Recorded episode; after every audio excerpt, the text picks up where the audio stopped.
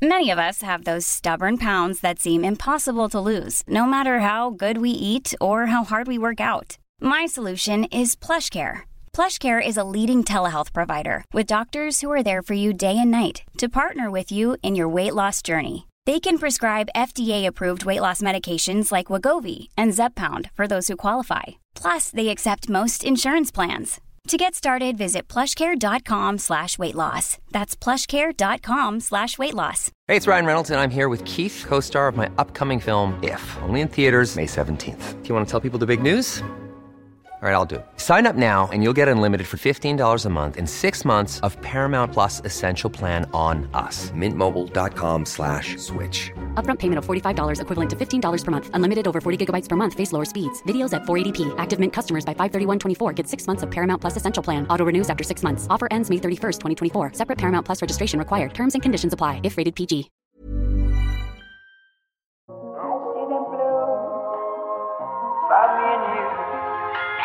And to myself,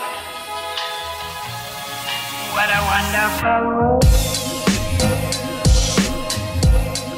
Ja, jeg ler, altså. Jeg likte det du sa om at, liksom, er liksom, at det beste trikset med forfengeligheten er å late som du ikke er forfengelig. At du tenker Ja, at det- jeg tar på meg en sånn ullgenser fra, fra far, og så bare sånn eh, Nei, jeg bare, det bare kaster jeg på meg. Og så Ja, men Det er forfengelighetens første bud.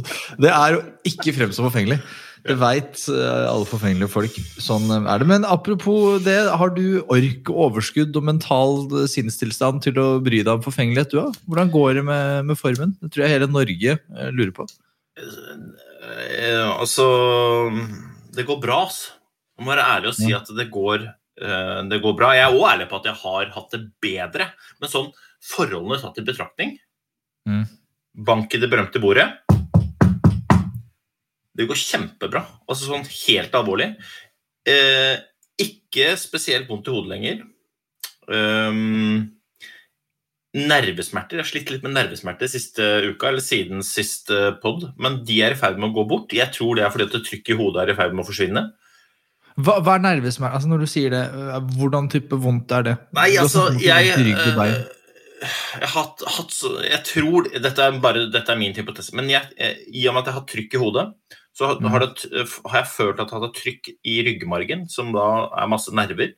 Så hver gang jeg eksempel har løfta foten, tatt foten fram, prøvd å ta på meg en sokk, bøyd meg ned, så har det vært som om noen har stikket en kniv inn i enten ryggen, rumpa eller baksida av låra mine.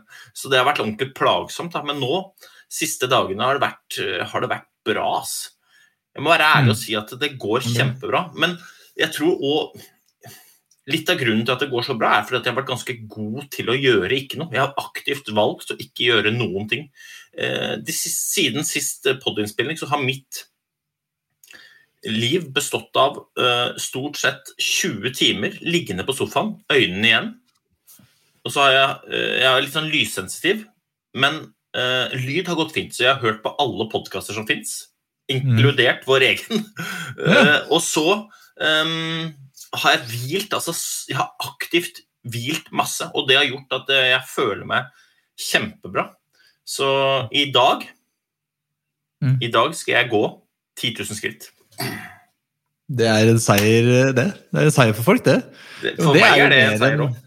Det er vel mer enn gjennomsnittsnordmann går eh, på en dag, så jeg tror det der, eh, da begynner det å komme der. Men siste spørsmål på det, Bare, er det eh, Det sies jo, hvis man leser litt på, hvis man googler, at eh, de færreste har eh, hjerneslag eller hjerneinneblødning uten at man har noen varige men. Og det er jo ikke noe hyggelig å lese. Men så er det noen som ikke har det. Eh, merker du at liksom, Føler du at du blir så mye bedre at du, du tror du vil komme fra dette uten noen særlige varige men? Eller er det for tidlig å si?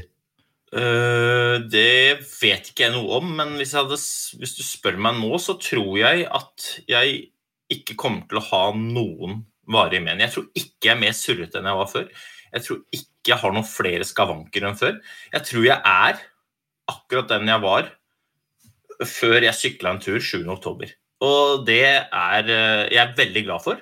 Men jeg er også veldig klar over at det betyr ikke at jeg er helt oppe og spiller i øverste liga. Jeg er ikke i ligaen din, liksom. Det skjønner jeg. Men jeg er i den ligaen jeg hører hjemme, og det, det er jo bra. Så, nei, så det går bra. Åssen er det med deg?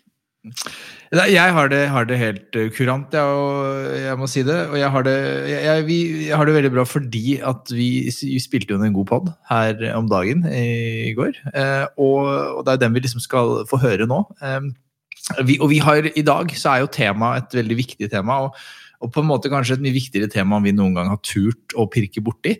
Um, og jeg vet ikke om vi skal liksom bruke så mye mer energi på å, å sette opp episoden annet enn å gi folk, uh, gi folk det de vil ha. Uh, vi hadde besøk av to rå folk. Uh, Marte Christoffersen, kjempe, kjempedame.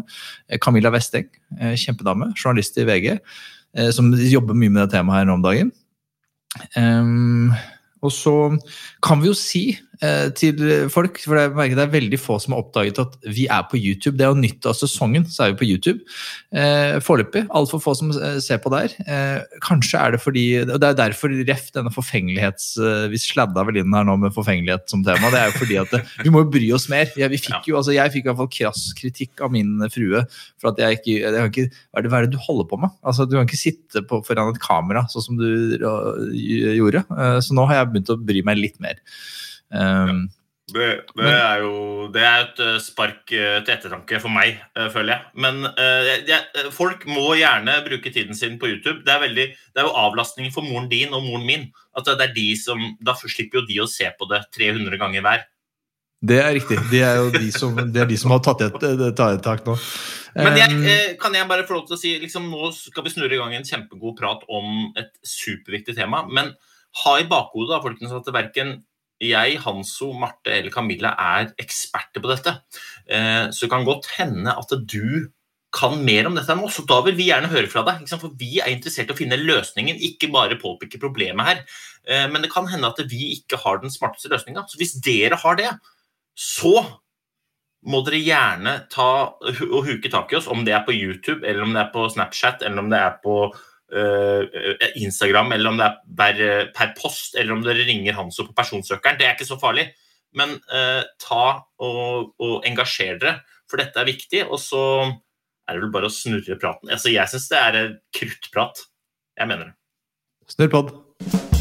Men Hanso, du vet våre venner i Coop, ikke sant? Vi masa jo hele fjor om uh, Coop-dugnaden, hvor du da kjøper produkter fra Engamark, og så går noe av pengene til idretten. Men nå gjør jo Coop-gjengen og Englemark noe enda bedre. Okay. For nå kan du faktisk søke om Englemarkprisen. Og det er Coops miljøpris som deles ut for niende gang, faktisk. Og her kan du da søke om midler til noe som fortjener å vinne 50 000 kroner. Det kan være en lokal frivillig organisasjon, det kan være et idrettslag, det kan være kor, en dansegruppe, hva som helst. Men de må jobbe for inkludering og for mindre ulikheter. Og det er jo det vi liker. Er det ikke det? Ja, Det høres ut som noe om det. Men hvordan da går man inn og, og søker på, på coop.no? Da går man på coop.no, på Coop og bærekraft, og så går man på Englemarkprisen, og så nominerer man en kandidat der. Og det må man gjøre før 27. oktober blir til 28. oktober.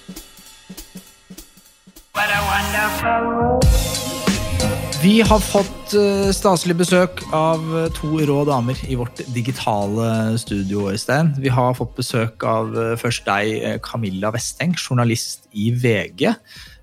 velkommen til deg. Tusen takk for det.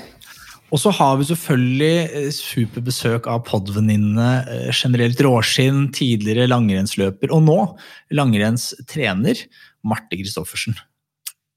Hei. Og takk for Hei. invitasjonen til denne poden.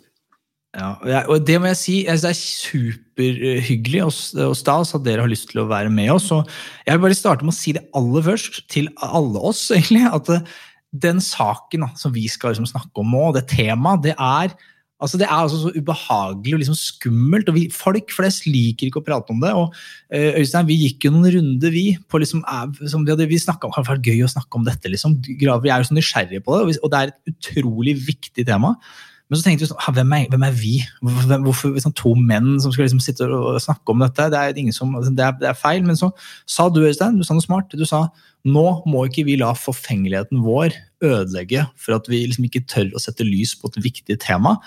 og det er jeg helt enig i. Så derfor så tenker jeg at hvis ikke andre tør, så må i hvert fall vi gå foran med godt eksempel og tørre. da. Det, og det går til dere. Så, så jeg håper de som hører på, liksom tar det i betraktning. Det er liksom det er utgangspunktet vårt. Eh, og så eh, skal vi prøve å dykke litt i, i dette. Uh, og jeg tenker, For å starte her, Camilla, så er det dere i VG dere driver nå, og det har sikkert folk fått med seg. Uh, dere har jo skrevet masse fine saker om dette, og dere har dykka i dette den siste tiden. Og kan ikke du, som, For å som sette litt liksom, bakgrunnen for dette, kan ikke du som, fortelle oss litt om uh, hvorfor dere har valgt å, å, skrive så mye og gå dypt i dette? Og, og ikke minst hva dere har funnet? Altså, Siden jeg begynte å jobbe med langrenn i VG i 2006, så har jo det her vært et sånt eh, tema som stadig har kommet opp. Spiseforstyrrelser, vekt, ernæring, mat, kropp. Eh, og så har det vært ofte sånne små dykk inn i det. Men så ble det jo sånn at en landslagsutøver fikk startnekt eh, på beitestølen Beitostølen av ulike helseårsaker pga. helseattesten ikke var godkjent. Og så tenkte vi at eh, og så har Pga. korona så har det vært mange signaler om at uh, man ikke helt har sett hverandre på trening. Alle har ikke vært uh, sammen så mye, så man har på en måte ikke helt hatt kontroll på hverandre. Og så har vi også fått uh, beskjed fra Sunn idrett om at de hadde 215 henvendelser om spiseforstyrrelser i fjor. Og det er faktisk 67% opp på chat og 86% opp på e-poster og telefoner. Så da tenkte vi at det er jo eh, viktig også for juniorer og alle som eh, driver med langrenn. Det kan jo hende at det blir litt mer idrett etter hvert, men vi begynte med langrenn. Og så, så, tenkte vi at Men ofte så er det bare sånn at man tar det litt sånn i overflata. Men nå gjør vi et forsøk på at vi skal gå, komme litt mer i dybden på det og se, se om folk kan prate om det. Er det så tabubelagt? Er det noen som tør å si noe nytt om hvor stort det problemet er? Er det noen som tør å fortelle om egne erfaringer? Ja, og det har vi jo prata med noen som har. Mm. Hva, hva, er ditt inntrykk på liksom, er det um, Når du sier at Sunn idrett har fått 230 henvendelser, er dette da utøvere selv som, som, melder inn, eller er det trenere eller apparater rundt som melder inn på vegne av noen? Hva er nå skal ikke jeg svare på vegne av de, men ettersom jeg forstår, så kan det være alle. Alt fra utøvere selv til foreldre til trenere. Det kan være alle. Bekymra venner, lagkamerater. Ja. Kan jeg, kan jeg, spørre fra utøverperspektiv, da, som har vært heldig å, å, å, ha en del med media å gjøre. Hvordan har det vært å være hvordan har det vært å være journalist og jobbe med denne tematikken? Det har jo vært litt utfordrende, fordi, og det er jo forståelig. Men det er jo fordi det er eh, taushetsbelagt eh, pga. at det går på helse ting. Og dermed så både trenere og eh, landslagsleger og andre kan jo ikke si noe mer enn det de har fått godkjenning til å si. Ofte så er det veldig lite. Og det gjør også at vi står ofte og stanger fordi de eh, det blir bare sånn lite sveip at sånne helt overfladiske kommentarer at eh, litt i ubalanse Man får liksom ikke sagt hva det handler om, men man står der og stanger hele tiden fordi det er taushetsbelagt informasjon. Og det forstår jeg jo vi at det må være, så må det være. Men det, gjør, det skaper også utfordringer, om det er lov å si, selv om det må være sånn. Ja. Så det er vanskelig, det. Mm. Mm. Ja, og det, jeg, jeg, kjenner meg godt igjen i, i um, den spørsmålsstillinga eller den der konteksten hvor du kommer og dere har lyst til å ta opp et viktig tema, jeg har lyst til å prate om et viktig tema, og så er det det derre Én uh, ting er hva som er lov å prate om, men ikke. En annen ting er den indre justisen, og så er det liksom det hva er det som er allment akseptert å, å løfte opp. da. Uh, og Det har jeg funnet, i hvert fall fra, fra min uh, side, uh, så har jeg funnet det litt sånn krevende. Selv om jeg tidvis har følt at jeg har vært ganske frittalende, så, så føler jeg jo at, at, vi har en vei å gå. Da jeg har vel sagt at jeg føler at spiseforstyrrelse er, er kanskje det siste tabu vi har i, i, i, i toppidretten. Eh, så kan man jo si liksom altså den problematikken her, jeg tror man skal være liksom, Konteksten her er jo at eh, i vektbærende idrett eller i utholdenhetsidrett generelt, så vil, vil prestasjon og kroppssammensetning, prestasjon og vekt henge sammen. Eh, og enten man vil eller ikke, så er det en del av prestasjonsbegrepet på, på topp, topp, toppnivå. Um, og alle som driver med, med toppidrett og har drevet med det, de har på et eller annet tidspunkt justert enten vekt eller kroppssammensetning for å øke prestasjon. Uh, og så Her er det jo da snakk om når er det dette går over fra å være en del av toppidretten til å bli en, en, et sykdomsforløp eller et, et større problem enn at det ikke er sunt i utgangspunktet. For det er mange ting i toppidretten som ikke er sunt.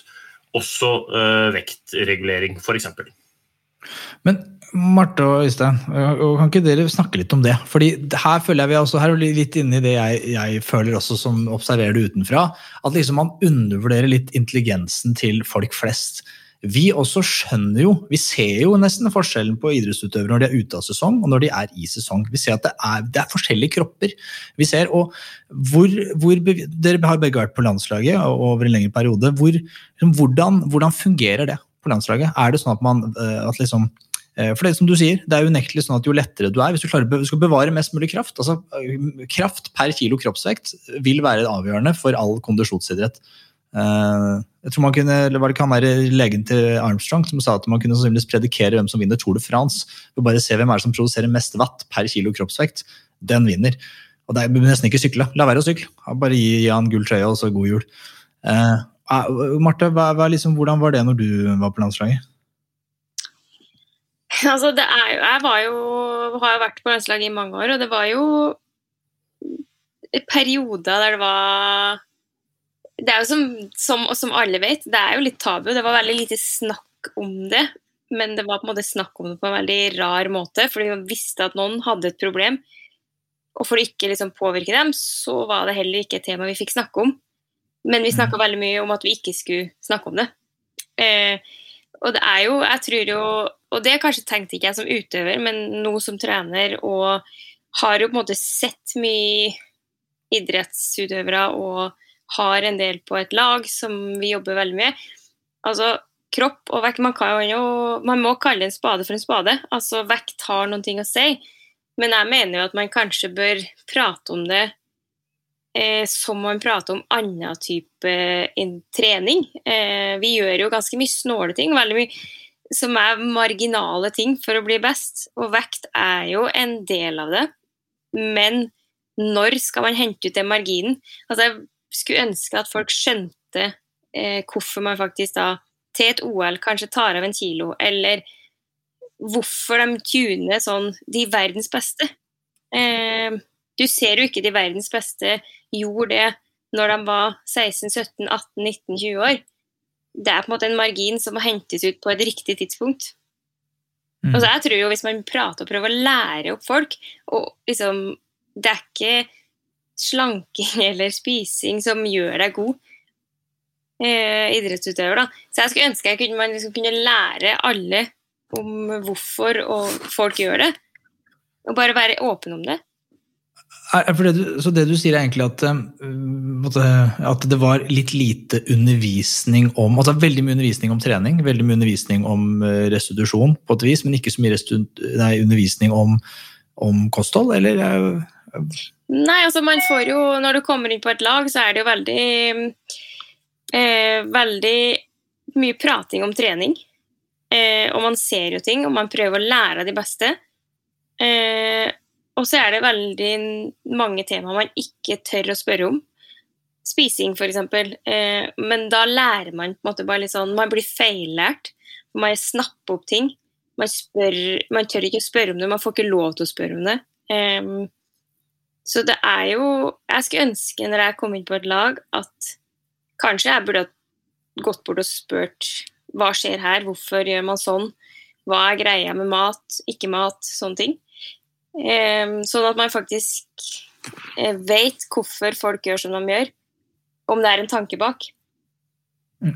Hvor, hvor, bevisst er du det nå som trener, og hvem sitt ansvar er det? Er det treneren sitt ansvar, tenker du? Jeg tror nok Eh, altså Spiseproblematikk er jo et større enn bare i langrenn. Eh, og det tror jeg på en mm. måte Det er jo en sykdom. På lik linje med ganske mange andre sykdommer, så jeg tror ikke det er noen som har et ansvar sånn.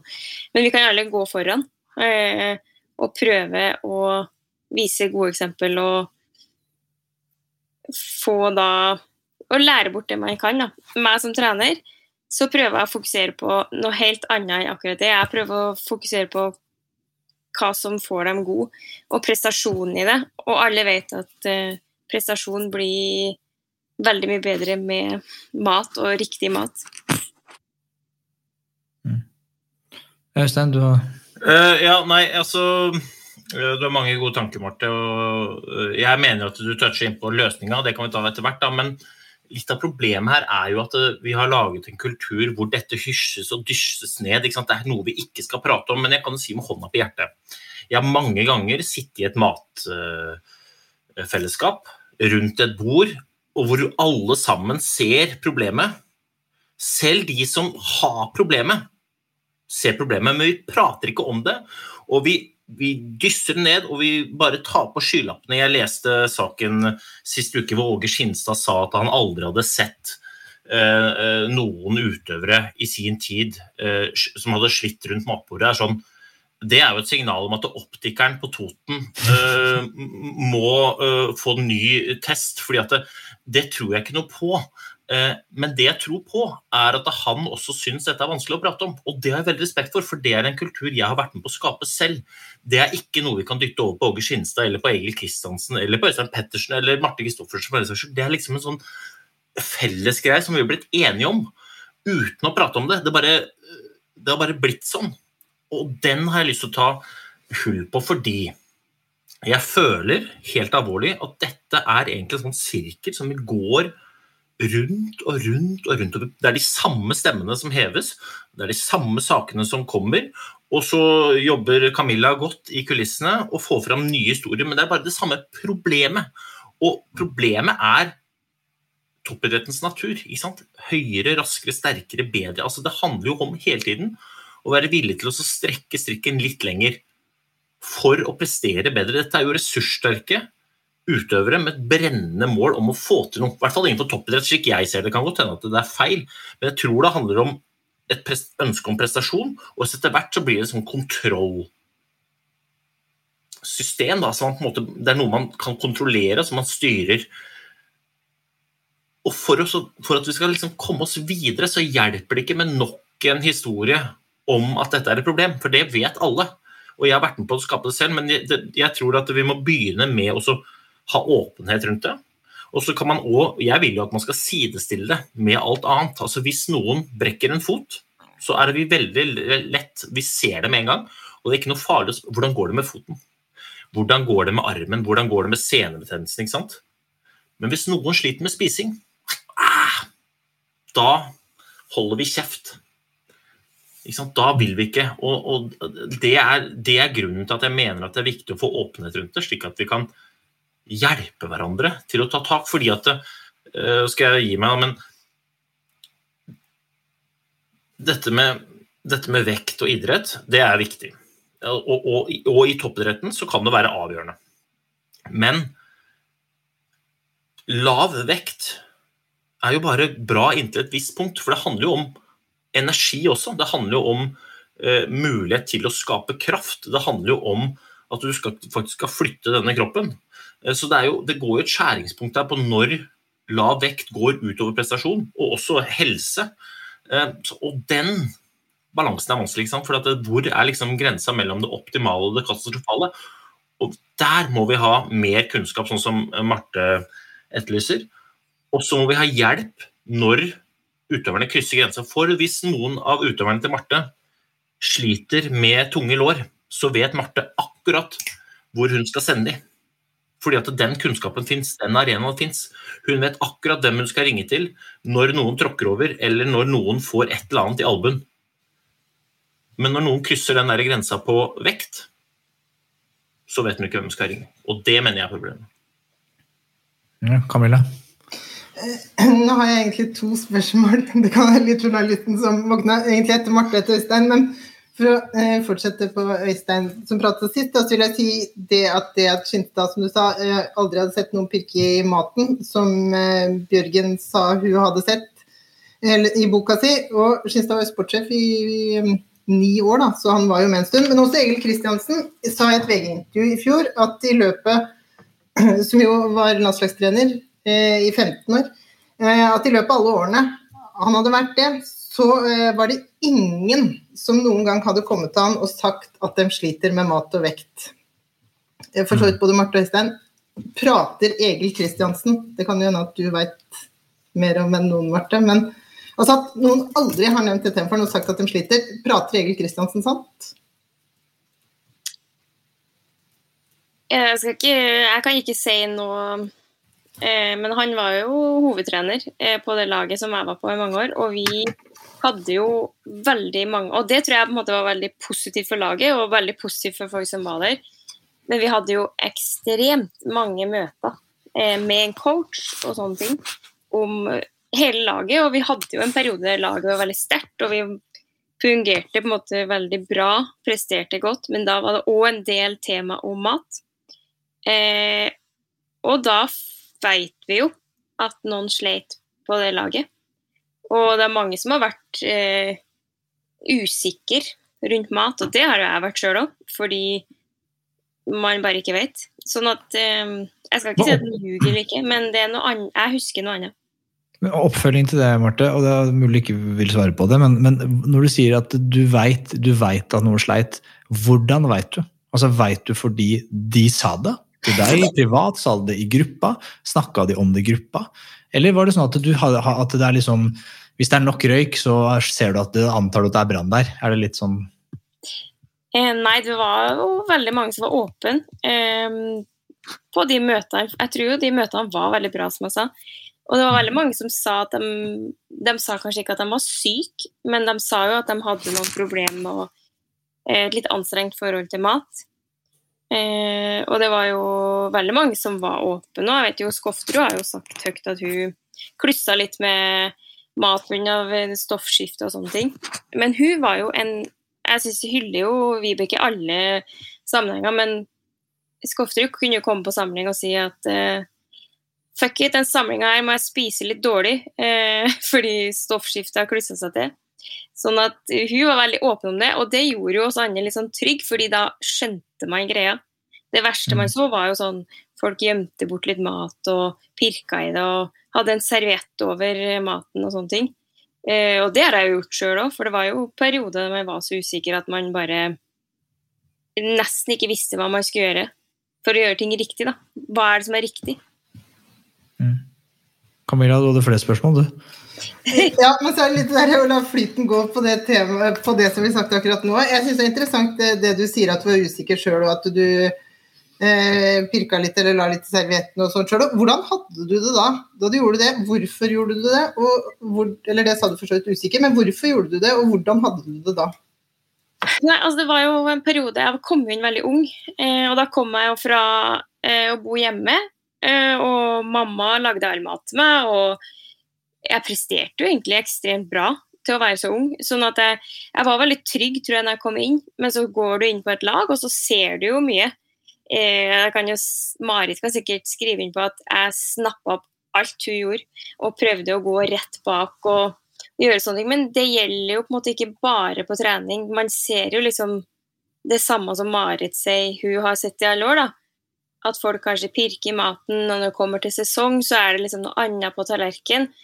Og så blir man plutselig litt usikker på eh, Men de slår meg jo. Hvorfor skal ikke jeg spise som dem, eller kanskje jeg skal kutte ut den tingen fordi det gjør dem.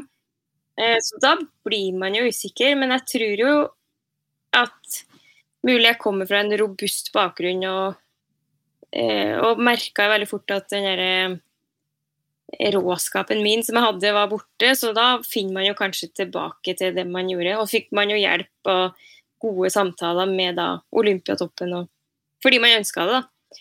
Men man blir jo rett og slett så usikker eh, fordi man er så ung og kanskje ikke helt vet lenger hva som er. Først, for, for du er litt inne på det der kanskje med at em, folk er veldig forskjellige. da, altså kroppene til, At det, at det som fungerer for Marit Bjørgen, eh, det er ikke sikkert at det fungerer for Marte Christoffersen osv. Og den individuelle tilpasningen, er det noe, noen som liksom legger til rette for det? Eller er det veldig sånn på laget her så er det havregryn, og det er sånn, sånn mengde, og vi trener sånn og sånn. Eh, Hvordan er det?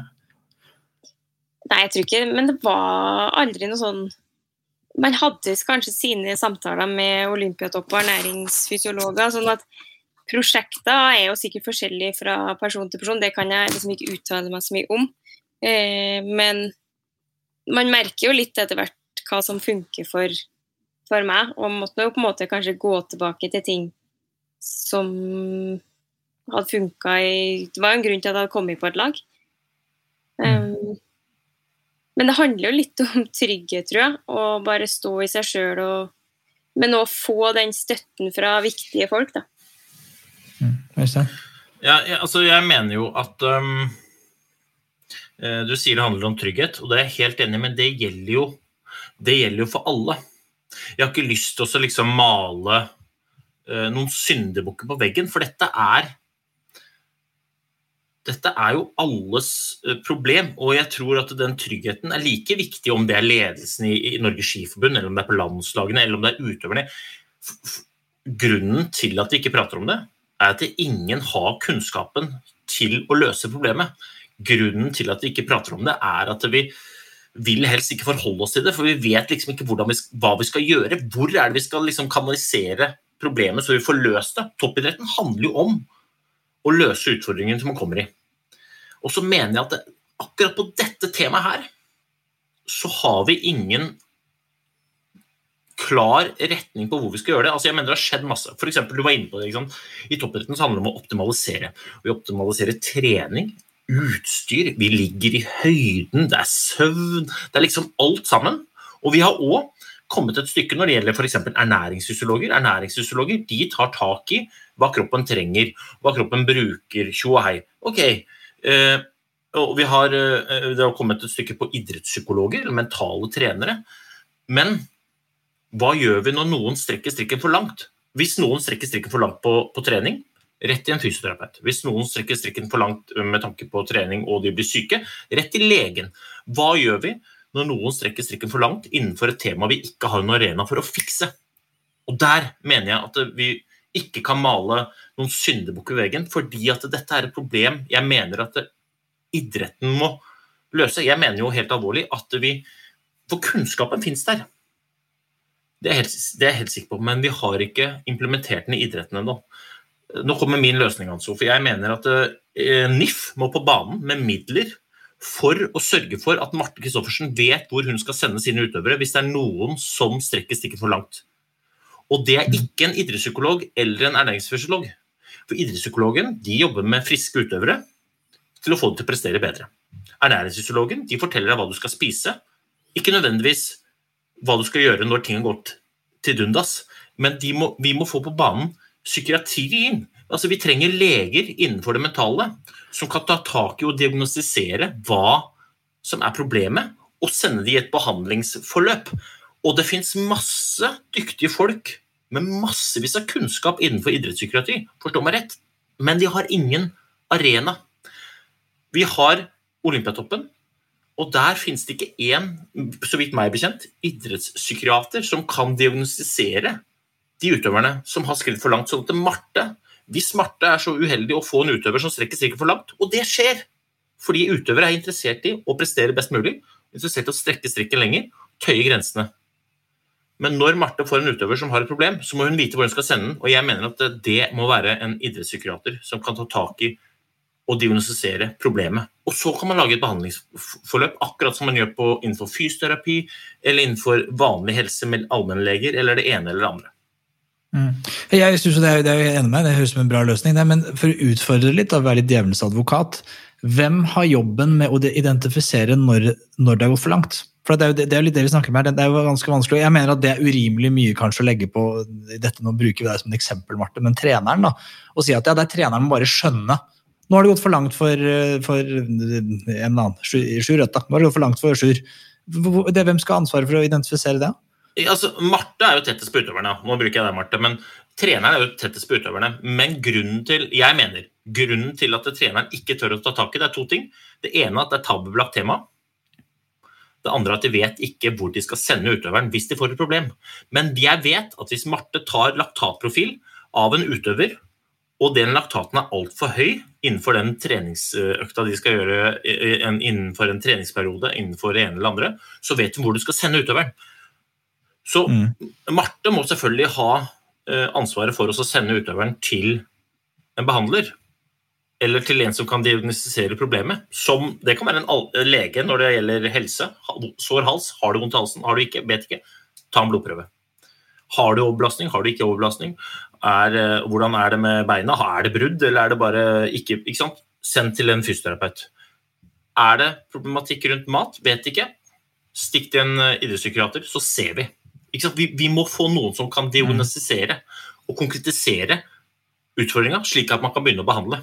Og det kan godt hende at ernæringsfysiologene og idrettspsykologene kan hjelpe til når diagnosen er klar. Men vi må ha noen som stiller diagnosen, for da vet man hvor man er. Og så kan man begynne å legge løpet for å få til det man har lyst til å få til. Men hvis man ikke vet hvor man er, så gjetter man bare. Mm.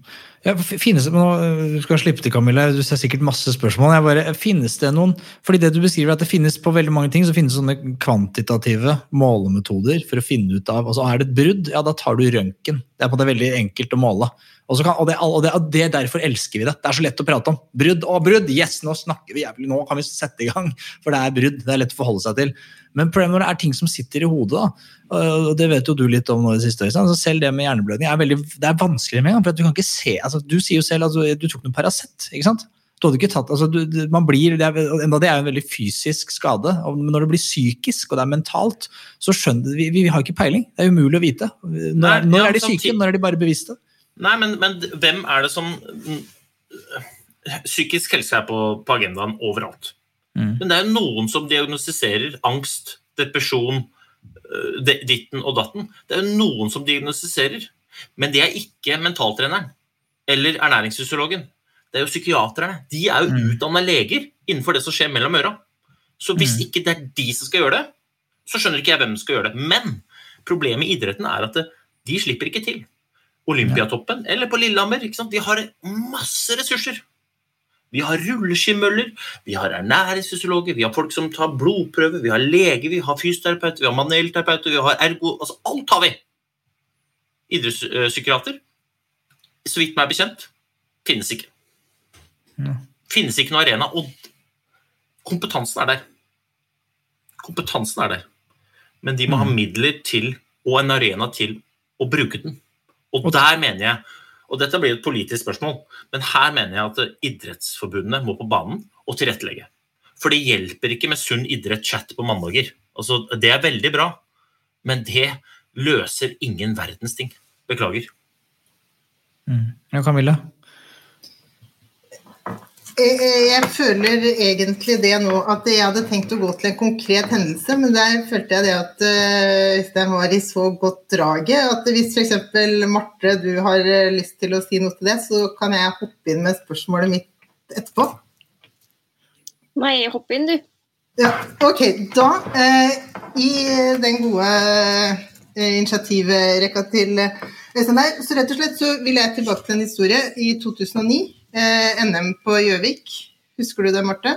Men til eh, 2009. Da Øystein skrev en blogg eh, om eh, fordi Bekkelaget ble diska på stafetten eh, fordi de hadde en 13-åring som gikk siste etappe. Og så skrev Øystein da en blogg eh, hvor eh, han skriver Hva er mest rett, å nekte en 13 år gammel jente å gå NM, eller tillate voksne damer med kropp som en 13-åring å delta? Og så eh, snappa Aftenposten det her opp, og da ble det jo baluba. Eh, og så eh, eh, og så, eh, i en oppfølgerintervju, så syns jeg at også at Øystein sier noe interessant. At etter at Skinstad da gikk først ut i alle mediene og sa det at dette her må vi legge, ta det rolig nå, for at saken i media har fått helt andre dimensjoner og andre former enn det Øystein ønsket. Så der prata han på Øysteins vegne. Og så eh, står Øystein det, når jeg er ferdig, står Øystein det, så sier han jeg er helt uenig i at vi må avdramatisere dette. Jeg sier det alle tenker, men som ingen andre tør å si. Og eh, jeg så eh, det som en anledning til å belyse en utvikling som er skummel. Veldig mange av de raskeste jentene er fryktelig tynne. Eh, ja, sa Øystein. Og så jeg lurte på, Øystein, selv om det er lenge siden, hvordan var det her for deg, og hva skjedde etterpå, og hva syns Norges Skiforbund eh, om at du eh, satte fokus på det her? Eh, Jeg husker hendelsen veldig godt. Eh, Jeg husker bloggen veldig godt. Og jeg står fortsatt for det jeg skrev og sa. Og jeg, jeg, dette mener jeg jo. Eh, hvordan jeg opplevde det. Jeg opplevde det ubehagelig. Eh, og så skal ikke jeg fortelle hvordan Skiforbundet opplevde det, for det vet jo bare Skiforbundet, men jeg tror de opplevde det omtrent likt som meg. Dette er ubehagelig. Grunnen til at dette er ubehagelig, er jo da Jeg mener det er to, to årsaker, og dette skal selvfølgelig Skinstad få lov til å svare på. Jeg har ikke noe personlig agenda mot Skinstad. Jeg tror Skinstad svarte for å roe ned gemyttene. Men jeg tror han gjorde det av to årsaker. Det ene er at det er ikke lov til å prate om ting som er under taushetsplikt. Så man kan ikke nevne navn. Man kan ikke gå ut og prate om utøvere uten at de har gitt samtykke til det. Det er det ene. Og det andre er det jeg nettopp var inne på. Vi, had, vi har ikke noen løsning på problemet. Og da er det bedre å snu ryggen til og håpe at det går vekk, enn å sette flomlys på det, fordi at det er ubehagelig. Men jeg mener jo fortsatt at vi må sette flomlys på problemet. For problemet er, og det er jo det jeg starter med å si, dette var 2009. Nå er det 2021, og dere skriver de samme sakene. Og det er fortsatt jeg som snakker. Og jeg eh, Altså eh, Ok, kanskje jeg har fått et drypp, men liksom Det er feil at det er jeg som prater om det. Fordi jeg er ikke i idretten lenger. Men øh, hvis jeg skal være helt ærlig, og hvis jeg tror at problemet er akkurat likt som i 2009 Yes! Absolutt. Men ble du trua til taushet, da? På en måte, At Øystein, dette får du ikke lov å prate mer om? Nei, de sa aldri at jeg, dette får du ikke lov til å prate om. Men jeg husker jo at jeg reiste da, rett etter dette så reiste vi til Rybinsk. Eh, og mm, jeg hadde jo muligheten til å sitte i alle verdens eh, debattprogram eh, fra Minsk via min Nokia 3210. Eh, ikke sant?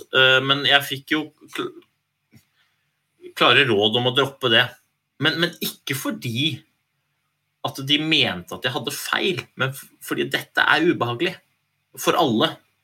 Og man vil helst ikke stå i ting som er ubehagelig. Og slik jeg oppfatter det. Og så kan det godt hende at eh, Åge eller noen andre har noen andre svar. Men jeg fikk veldig klar forståelse av at nå tråkker du ikke nødvendigvis i salaten, eh, men eh, nå tråkker du på et område hvor vi ikke tråkker. For her ligger det ikke bare miner, her ligger det bomber overalt. Og så, ja. Men er dette eksempler på at man da, hvorfor man går i sirkel og eventuelt ikke kommer noe videre, både Øystein og Martha, hvis man da ikke, nå hadde, Der ga Øystein dem i 2009 en mulighet til å sette det her på dagsorden, til å virkelig prate om det. Men hvis liksom Skiforbundet og de, hvis de ikke ønsker hvis jeg oppfatter riktig, at dette her skal vi ikke prate om, for det er best å la være, eh, tar man tak i problemet da? Mm, det er vanskelig å svare på. Men eh, Øystein Andersen, da. Han er lege ikke sant, for Skiforbundet, landslagene. Og jeg, har vært, hatt, jeg er så gammel at jeg har fått æren av å bli kjent med han. Både som lege og som utøver og som fyr. Fantastisk oppegående, fantastisk dyktig, bra mann. Men han blir jo stående som en sånn hoggestabbe fordi han har ikke lov til å svare på noen spørsmål. Ikke sant? Så hva de snakker om på bakrommet, det vet jo ikke jeg. Men hva eh, folk oppfatter uh, gjennom media, det vet jeg jo, for at jeg er jo nå folk. Og det jeg ser, er Øystein Andersen som står og kikker ned i bakken hver gang han får spørsmål som han kan masse om, men som han ikke har lov til å prate om. Men igjen så tror jeg dette handler om åpenhet, eh, men, men også at vi må, vi må få dette som en, sånn, en del av de eh, baksidene av å drive med toppidrett. Det er, en, det er en idrettsskade, i hvert fall slik jeg ser det på øverste nivå. Det kan godt hende at det er mer enn det også. Men, men slik jeg kjenner det, så er dette bare kommer det fra brennende ønske om noen som presterer bedre. Og så må vi finne en arena hvor vi kan ta tak i og løse problemet. Og den, slik jeg ser det, er ikke der i dag. Men, men for det du spør om, Camilla, jeg, jeg, jo, du, jeg, jeg skjønner hvor du vil, men jeg er jo litt enig med deg. Altså, er litt og jeg skjønner, at, liksom, skjønner at det er vanskelig for deg Øystein, og for deg, Marte, å liksom svare på, for at dere har på en måte, vennene deres, der Skiforbundet har vært der i alle år, de har vært utrolig gode mot dere, sluppet dere til på lag fra dere var små. Men driver de ikke litt og setter litt lokk? Altså, det, det, du, du sier det jo mellom linjene. De dysser ned. Helst ikke prat om det. Å nei, her er det litt taushetsplagt. Altså, hvis, hvis dette hvis man skal finne liksom løsningen på dette, og spesielt jeg tenker på det Vi har snakka veldig mye om elitenivå, og dere har jo vært liksom top of the notch når dere, dere har gått. Det finnes jo veldig mange som både er når man er yngre, og som ikke slipper til på, på, på elitelandslagene. Og der er jo støtteapparatet mye mindre. Eh, de trenger jo nettopp det at de beste snakker om det at de, ja, Marit Bjørgen jeg vet ikke, hun har ikke vært ute og snakka om det, men, men, men, hvis de beste snakker om det, eh, så blir det ja, men det er ikke noe farlig. Det, jeg også har problemer, men det har jaggu meg Marit Bjørgen. Hun har også issues. We all got them, er det noe som heter. Altså, er ikke, Burde ikke Skiforbundet liksom gå og, de, og, jeg tror ikke det bare gjelder Skiforbundet, jeg tror det gjelder alle disse sånne pampebefengte uh, idrettsstyrer innenfor ulike idretter. Burde ikke de gå litt i seg selv og tenke at liksom, det å legge Det er mye mer behagelig for oss. Det er mye bedre for eh, pressesjefen i disse forbundene, og han sparer seg for masse jobb ved at ikke utøverne sine er ute og prater. Men er det ikke nettopp det man trenger? da? Liksom, sier jo, dere sier jo at løsningen er mer åpenhet, og selvfølgelig det, det at man det starter med åpenhet for da kan man begynne å snakke om det. Man kan begynne å være åpen om at man har et problem. Og så man, jeg er veldig enig i det du sier, da, det å slippe, Hvis ikke det er sånn at man har idrettspsykiatere, at man har noen til å, til å løse problemet, så, så, er jo det åpenbart noe man må få på plass. Men hvis Skiforbundet står i veien for åpenhet, så kan du kaste med idrettspsykiatere du vil på problemet, men det er jo ingen som snakker om det. Det er ingen som har det. Det er ingen som tør å stå for det. For det er pokker ikke lov. De er jo livredde for å få Skinstad eller Bjervik eller noen på nakken. Jo, jo, men uh, før du slipper til, Marit uh, Nei, Marit, sier Marte. Uh, Skiforbundet står jo ikke i veien. Men det er klart at Skiforbundet kan jo ikke gå ut på vegne av noen og si at ja, dette er noe vi sliter med, med mindre noen har sagt det er greit.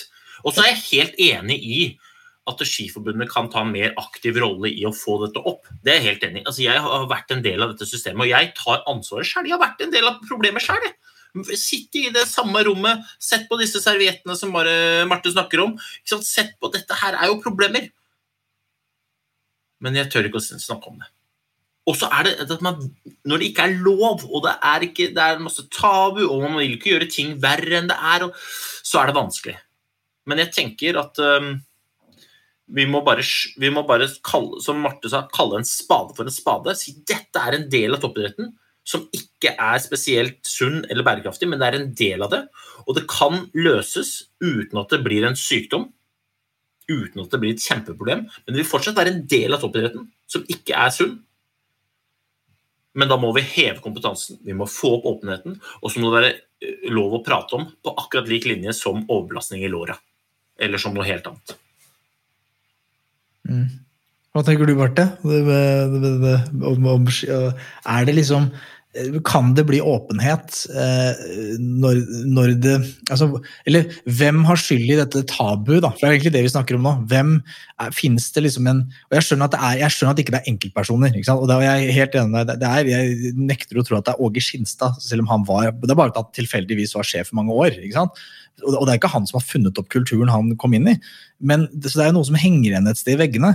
Men eh, må det liksom, det, det må jo være noe som noe styrer kulturen. Om det er, et, om det er noe, noe sånn, hva heter det, det noen, noen, vedtak, liksom, som, som, noen, et styre på toppen som kan kunne dette må liksom, Noen må kunne vedta hva som er greit. da. Det tror jeg, vel, det, jeg skulle ønske at det var et sånt styre som du snakker om på toppen. da. Men jeg tror ikke det er og man skal være forsiktig med at liksom, Skiforbundet har, eh, som vi har nevnt flere ganger, det er eh, helsa til en utøver. sånn at, og Jeg vet ikke om det hjelper at en utøver går ut og sier sånn Hei, jeg har spiseproblem, eller sånne ting. Jeg tror ikke der det ligger. Altså, Man kan ikke gå ut med navn på en utøver og komme med forklaring. For det er ingen som hadde enn noen vanlige mennesker. Ingen som hadde liksom gått ut og snakka for deg, Camilla, eller noen andre. Sånn, hvis du hadde hatt en sykdom, så er det du som må gjøre det. Det er din historie å fortelle. Eh, så jeg tror aldri Man skal være forsiktig med å si at Skiforbundet sitter på toppen og styrer alt det her. Det tror jeg ikke. Eh, jeg tror jo man må starte mye lenger ned, og ikke bare i langrenn. Men det gjelder jo om det er idrett eller ikke idrett òg.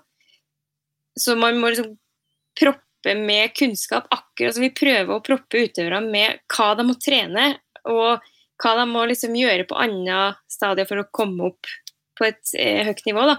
Og jeg har så lyst til å bare si at hvis du slutter å spise, så blir du kanskje lettere, ja. Eh, Det kan hende det er lettere å springe opp en bakke en periode, men fysiologien din blir ikke Du blir ikke en bedre skiløper av det. Det er bare at du kaster av en sekk, som er veldig kortvarig glede. For eh, til slutt så blir det noe som du ikke har lyst til å være i. Men det er kunnskap som må på bordet. Hadde jeg visst at det her kommer til å gå sånn og sånn og sånn, eller eh, visst hvorfor folk gjør ting, eh, og de marginene, det er en del av marginene i toppidretten, så hadde man kanskje hatt et mer sånn avslappa forhold til det. Fordi man veit, og trygghet er jo ofte liksom kunnskap. Det henger jo litt sammen. Mm. Jeg tror bare, liksom, det er vanskelig å si at liksom, Skiforbundet sitter på toppen og styrer det. Det tror jeg ikke. Jeg tror jeg vi skal være veldig forsiktige med å si. For det, jeg skulle ønske det var en sånn fasit, men det tror jeg liksom ikke det er. Nei, nei, bare for å være presis da, jeg, jeg mener selvfølgelig ikke at Skiforbundet skal ut og, eller noen skal ut og oute på vegne av noen andre. Det tror jeg, nøkter jeg tror er løsningen. Men det vi snakka om, var mer om eh, hvis noen har lyst til å prate, eller f.eks. Øystein har lyst til å si noe han står for selv, så virker det som at det kanskje har vært historisk, og kanskje fortsatt er, at eh, for det første tror jeg de som har, de som har lyst til å snakke, de tenker seg om. Tenker seg om et par ganger, fordi ah, det, hva vil for- forbundet si? Mister jeg plassen på landslaget? Ah, hvordan blir dette? Eh, og det er det jeg mener, hvis det eksisterer en sånn kultur om at de dysser ned, sier nei, ikke snakk om dette, dette er ikke noe vi snakker om, dette er tabu, så får man ikke den informasjonen ut da, til unge utøvere. Men selvfølgelig må det være folk som har lyst til å snakke av egen fri vilje. Man, man, man kan ikke snakke på vegne av noen, det, det tror jeg ikke er, er løsningen.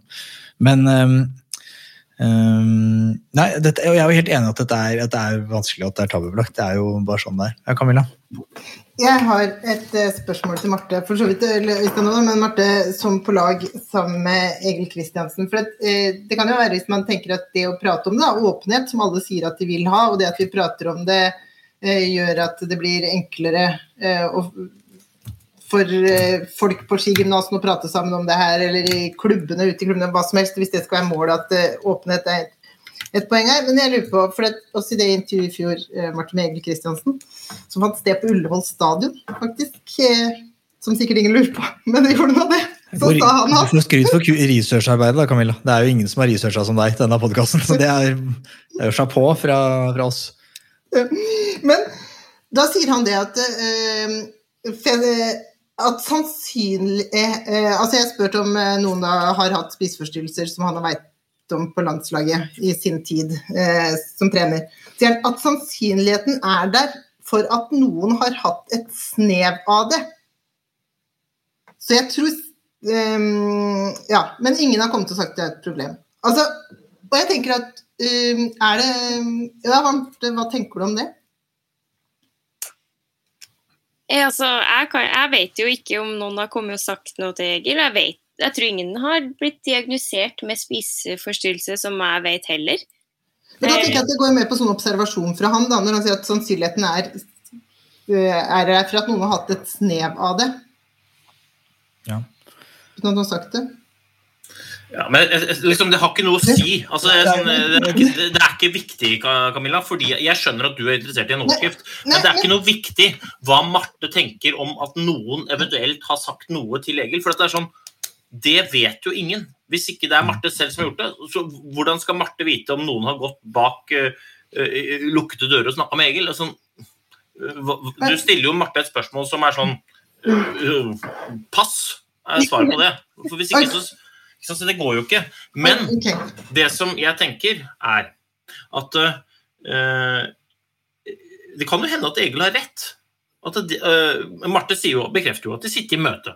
Og det har de helt sikkert. Men det kan jo godt hende at det, ingen har da direkte gått til Egil innenfor disse lukkede veggene og dørene og sagt faen, jeg sliter med dette. Det kan jo hende er 100% riktig. Det vet jo ikke vi. Det vi vet, er at uh, vekt, problematikk eh, i langrenn har vært lenge og fortsatt er. Eh, det vet vi. Og så er vi jo ute etter å finne ut hvordan vi kan løse problemet. Eh, og jeg er, sånn, jeg er så lei av å gå den der runden og se etter et problem som alle vet er der. Vi snakker du om må- hva Egil Kristiansen sa i 2009 nå, Øystein? Er det du mener at det ikke Blant annet. ikke sant? Det er jo det samme. Vi, vi, må, vi må løse problemet. Eh, må vi gjøre. Og så syns jeg Marte har et innmari godt poeng, for mitt poeng rundt idrettspsykiatri var jo når noen hadde uh, strukket strikken for langt. Men jeg tror at det, det Marte penser inn på, er jo et kjempepoeng rundt å forebygge at noen gjør det. Det handler om kunnskap. Fordi at Vi har veldig mye kunnskap om hvordan vi skal trene. Det begynner vi med veldig tidlig. Vi har veldig mye kunnskap om teknikk. Det begynner vi med veldig tidlig. Vi har veldig mye kunnskap om utstyr. Begynner med altfor tidlig, kanskje, sier noen. Vi har veldig mye kunnskap om alt. Kanskje ernæring. Eh, Og prestasjonsoptimalisering rundt energi, da. Skulle starta i samme, samme åndedrag.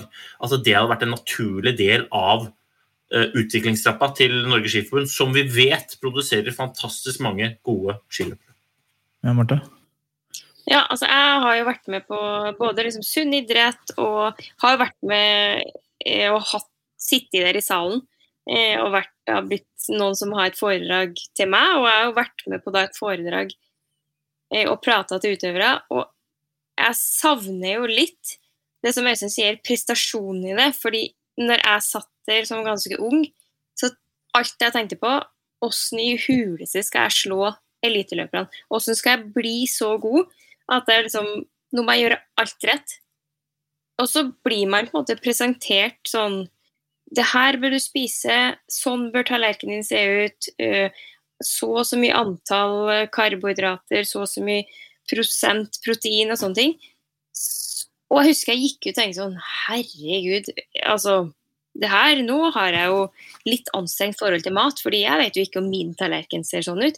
Jeg skulle ønske at de liksom ga meg en sånn Altså, kroppen din trenger energi. Det handler, nå handler det om å prestere. Hvordan skal jeg prestere best mulig? Ikke om detaljer på prosentvis av det ene eller det andre. Jeg tror jo liksom toppidrettsutøverne og folk som har lyst til å begynne med toppidrett eh, og har lyst til å bli god på ski, er sykelig opptatt av prestasjon. Og å kunne prate om det for å prestere tror jeg er mye viktigere enn å prate om liksom det her bør du spise, og tallerkenen din bør se sånn ut. og Man lager sånn grilla i huet. Jeg husker jeg gikk ut derfra og tenkte sånn nå, nå tror jeg jeg må begynne å tenke på hvordan tallerkenen min skal se ut. Så glemte jeg litt å tenke på hvordan skal jeg få inn nok energi til å knuse liksom, dem jeg skal trene med i morgen. Ja, for, for det her, jeg synes det, er litt, det vi ikke har pensa så mye innpå, er jo en måte, unge utøvere. Vi har snakket liksom, uh, altså, Problemet gjelder jo alle, virker det som. Men det er vel kanskje mer skadelig og kanskje ødeleggende for en potensiell stor karriere hvis dette skjer i, i, i den, den formative alderen når du er fra 12-13-14-15-16-17 år gammel. Eh, og hvis du må komme med et råd, Marte, og for så vidt Austein. Er liksom, hvis dere kunne gjort noe om igjen, hvis dere kunne måte, dere har gått litt løypa, dette har vært et problem. Eh, hvis dere liksom skulle være Hva er rådet dere litt dere selv når det kommer til kosthold og bevissthet rundt spising?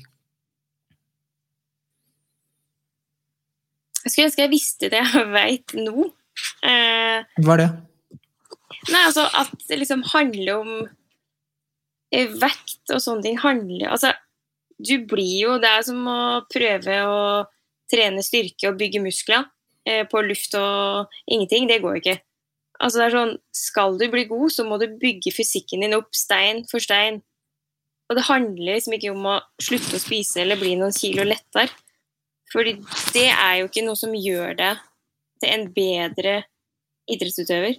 Fysikken din blir jo dårlig. Du fjerner jo nå på en måte eh, det, går, det går ikke an å bare Man fjerner litt muskler. Altså man fjerner det som man faktisk trener opp. Så jeg skulle ønske jeg visste mye mer om det. Eh, og hvorfor man gjorde ting. Mm. Altså det, det føles jo innmari lett ut å ta noen kilo, og så løper man fortere opp en bakke. Ja, det er lett å tenke at nå har jeg blitt litt bedre, men det har du ikke. Du har jo bare blitt litt lettere, og da er det kroppen din har eh, kan bære den vekta di litt lettere, og det går fortere. I en liten periode. Ja, for kanskje du er inne på noe der, da, det med at det kanskje er litt sånn kortsiktighet i det. At, det, at de som Når du er på elitenivå Nå, nå spør jeg litt, for jeg, det er sånn jeg forstår dette her, da. Men når man er på elitenivå, så har du på en måte brukt så mange år av, Si du er eh, 28, da. Du er på topp. ikke sant? Du har brukt så lang tid, 28 år, da, på å bygge kroppen din til, å, til et nivå. Og da, akkurat for det, den måneden hvor det er mesterskap, da kan det være verdt det å gjøre den siste eh, fintuninga. Og så går du litt opp igjen kanskje like etterpå. Men det er fordi du har kunnskapen, du har vært gjennom gamet, du vet nøyaktig hva du driver med. Men når du er 15 år, eh, og du har, ikke har trent kroppen i 28 år, så er du kanskje bedre trent, tjent med å tenke ok, jeg driter i å være best eh, i, i junior-KM. Det, det er ikke viktig for meg. Jeg, skal bli, jeg har lyst til å bli best, punktum. Og for å bli best punktum, da må jeg tenke litt lenger, og da må jeg kanskje nå tenke at okay, jeg blir ikke best i KM i år, men jeg kan bli best neste år, eller om to år. Så jeg må bygge kroppen min litt bruke litt mer tid på det. Og så er det kanskje mer bærekraftig tankesett. da. Så det, er det et råd til unge folk? Ikke, ikke vær så kortsiktig. Det er ikke om å gjøre å være best i morgen, det er om å gjøre å være best uh, over tid. Ja, så må man lære seg at det er, for å bli en god skiløper, så må du bygge opp fysikken din. Altså, Mm. du må trene solid, og det hjelper ikke å bygge muskler på luft og ingenting. Prøv, det er ikke, det er ikke noe som funker. Ja, Det fins vel en hel blogger Det finnes vel som minst mange TV-programmer av bloggere som har prøvd og har vært i de greiene der. Så de, de er ikke, de er ikke idrettsutøvere. Ja, Camilla, hadde du noe, det så ut som du brant inne med noe. Det er ikke noe flere Egil Kristiansen-sitater fra 2009 oppe, for det, det, det falt, falt jo ikke i. Nei, sånn- men, nei, men jeg tror kanskje noe av grunnen til at jeg spør, og som journalist òg, er jo det at eh, landslagsutøvere og trenerne, og det er de som kommer i hvert fall nasjonale medier og uttaler seg sånn, så jeg bare lurer på eh, som spørsmål som man kan ha tenkt, kan jo være at um, når man leser og hører at de hele tida Det er poenget mitt å si at hos oss er det ikke noe problem. Det er ingen her som sliter med det. At ikke sett oss, det er ikke noe problem her. Da, da er det ikke noe problem, da. Så det er jo min observasjon av det. Og jeg tror det var litt derfor jeg spurte gjentok det til Martha. Det var ikke det samme sitatet, faktisk, men det var litt derfor jeg gjentok det. Altså, eh, er det faktisk sånn der? For det, det stemmer jo ikke helt overens med det Martha har fortalt her, da, som har vært kjempeinteressant å høre på, og det som Øystein har observert. Og Så liksom spørsmålet Det er derfor jeg Jeg tuller, jeg tuller med deg, Camilla. Jeg, jeg skjønner Ja, men at du jeg- om det. Og, og, jeg, og jeg, bare så jeg, sagt, jeg, tror, tror du har, du har litt rett i det du sier, og, at, og jeg tror på en måte vi svaret, eh, svaret er, er her, på et vis. Men jeg vil slå et slag for de trenerne og de som generelt er fordi eh, det er jo, ok, hvor, hva, hva måles en trener på? Altså, hva, hva er det de måles på? Og, eller en sportssjef, hva er det de måles på? Det måles på de resultatene laget oppnår i den perioden du sitter ved roret. Det er målet. Det er det eneste som betyr noe. Det er det folket bryr seg om, det er det forbundet bryr seg om, det er det, det, er det alt måles på. Og, og da, liksom, da, Den jobben får du ikke basert på altså, det, det, Du blir ikke målt på om alle folk, alle på laget hadde et godt selvbilde, men vi tok null gull. Det er ingen som bryr seg. Vi, buing av befolkningen. Så kan ikke treneren si men vet du hva, vi hadde utrolig godt selvbilde. Det var utrolig bra. Det, er som, og det, og det, er, det er jo måte, og liksom Øystein sier, at det er toppidrettens natur. Da. Det er litt sånn det er. Og, og jeg tror det at, derfor tror jeg liksom, Hvis vi skal nå prøve å oppsummere med litt løsninger, da, for det er jo egentlig det vi vil med denne podden her, så mener jeg at hvis jeg skal få lov å prøve å oppsummere på vegne av forsamlingen, så tror jeg på en måte nummer én er og her mener jeg er enig med deg, Camilla, at Skiforbundet eh, spiller en rolle at man må ha mer åpenhet. Mer åpenhet og være lett å prate om. Det er nummer én. Og Øystein, det ser du passe på meg.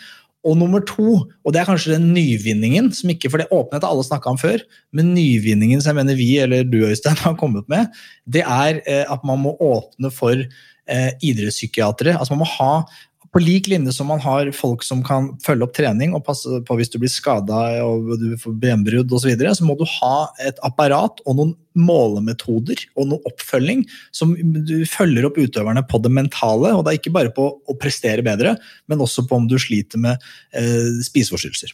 Er det, er jeg, ikke like elegant ordlagt som du gjorde, Øystein, men du føler jeg gjorde justice på et vis? Det Ja, er det flere? Nei, Nei, nei, det jeg- jeg bare fortsetter til du stopper. Nei, jeg, jeg, jeg, mener at det er de to, da. Det er, og vi bør ikke gjøre det vanskeligere enn det er. Det er to, det er to, Nei, også, jeg kan, også er det også nummer tre. Mm. Dette er egentlig ingens jobb, men det er alles ansvar Der sier du. innenfor idretten. Så hvis jeg skulle få lov til å komme med, for du spurte liksom, er det noe dere skulle ønske at dere skulle fortalt den unge Øystein Pettersen hvis du kunne gått tilbake i tid, Mm. eh, så sk- jeg har vært heldig og ikke hatt noe problem med dette, men det har jo vært en del av toppidrettshverdagen min, og jeg også har justert vekt, selvfølgelig har jeg det, men jeg har aldri hatt noe problematisk forhold til mat eller matinntak. Men hvis jeg skulle fått gjort det på nytt igjen, så skulle jeg ha baller til å brydd meg enda mer. Og baller til å bare sagt nei, faen, dette er altså så viktig at jeg slutter heller. Hvis det skal være sånn at vi kan hjelpe hverandre. Fordi at dette dreier seg om Du sier at eh, det dreier seg om medaljer, og det gjør det. Men eh, jeg har sett utøvere som har fått gode resultater, og som ikke har trivdes. Så det dreier seg egentlig ikke om de medaljene likevel. Mm. For at eh, det er ting som er viktigere enn hvor du står på en eh, pall spikra opp på et eh, forblåst sted der fargen grå ble funnet opp, og som det blåser hel, er kaldt, og nissen står, og det heter Kåsamo. Altså, det er ting som er viktigere enn plassering på en resultatliste. Nei, men, men eh, folkens, tusen Jeg, jeg føler vi, vi, vi tilførte Jeg håper det for å si sånn, jeg håper vi tilførte noe til eh, denne debatten. Eh, og så syns jeg at vi var alle sammen eh, var tøffe som, som om dette. Jeg synes det er kjempetøft og veldig viktig at dere, Camilla, vi, vi skriver om dette. Og vi, ikke, vi harselerte litt med deg med Egil Kristiansen-sitater. Det er jobben din. Og det, og det, er liksom, det er en grunn til at vi har lyst til å ha deg, Camilla. Vi syns at du er dritålreit, du er flink til å skrive, du er eh, flink i jobben din. og vi det var kjempekult at du har lyst til å stille på og være med oss på vår eh, lille, eh, vårt lille innspill i debatten. Og så er det jo kjempetøft og hyggelig at du har å vært med oss, Marte. Vi har jo hatt lyst til å ha med deg på den lenge, så det er jo eh, veldig hyggelig at du omsider dukka opp. Og vi håper du har lyst til å komme igjen og vil snakke om noe mer lystig. Selv om dette er nok mer viktig enn noe vi noen gang har prata om. Øystein. Det støttes. Det var, um, ja, også det er noe som jeg har lyst til å prate om. Mm. Eh, virkelig, ass. Siden eh, 2009, egentlig. Denne podden hadde, hadde Da fantes det jo ikke podkast, men hadde det vært podkast da, så hadde vi spilt inn en kassett kassett i 2009. Vi hadde, vi hadde. Men folkens, eh, vi må videre. Du skal eh, fly og, og trene folk. Det nærmer seg jo sesong, Marte, så du har jo ikke egentlig tid til å sitte med oss, men takk for at du tok deg litt tid. Camilla, du skal jo skrive, du. Jeg håper du har fått noen juicy sitater. Det er jo moro. Eh, og så, Øystein, vi må jo bare passe på hodet, i hvert fall ditt. Vi må, vi må legge oss ned. Jeg skal legge meg ned med øynene igjen. Du skal komme deg ut på treningsstudioet ditt og få trent litt, for du trener for to nå, så det er bare å ta ut de der airpodsa og begynne å jogge. Ikke komme deg ut av styrkerommet. Jeg er mest opptatt av jogging, så du må jogge litt for meg. I hvert fall jogg til styrkestudio. Og så uh, Camilla, Marte. Dere er gode damer, ass. Så du, Marte, ta vare på utøverne dine. Eh, de er eh, De er verdt det.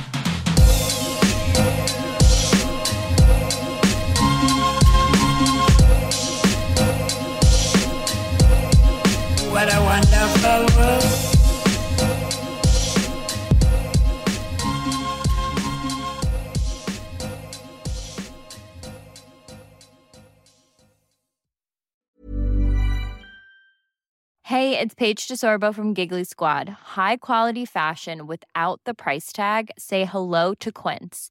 I'm snagging high-end essentials like cozy cashmere sweaters, sleek leather jackets, fine jewelry, and so much more. With Quince being 50 to 80% less than similar brands.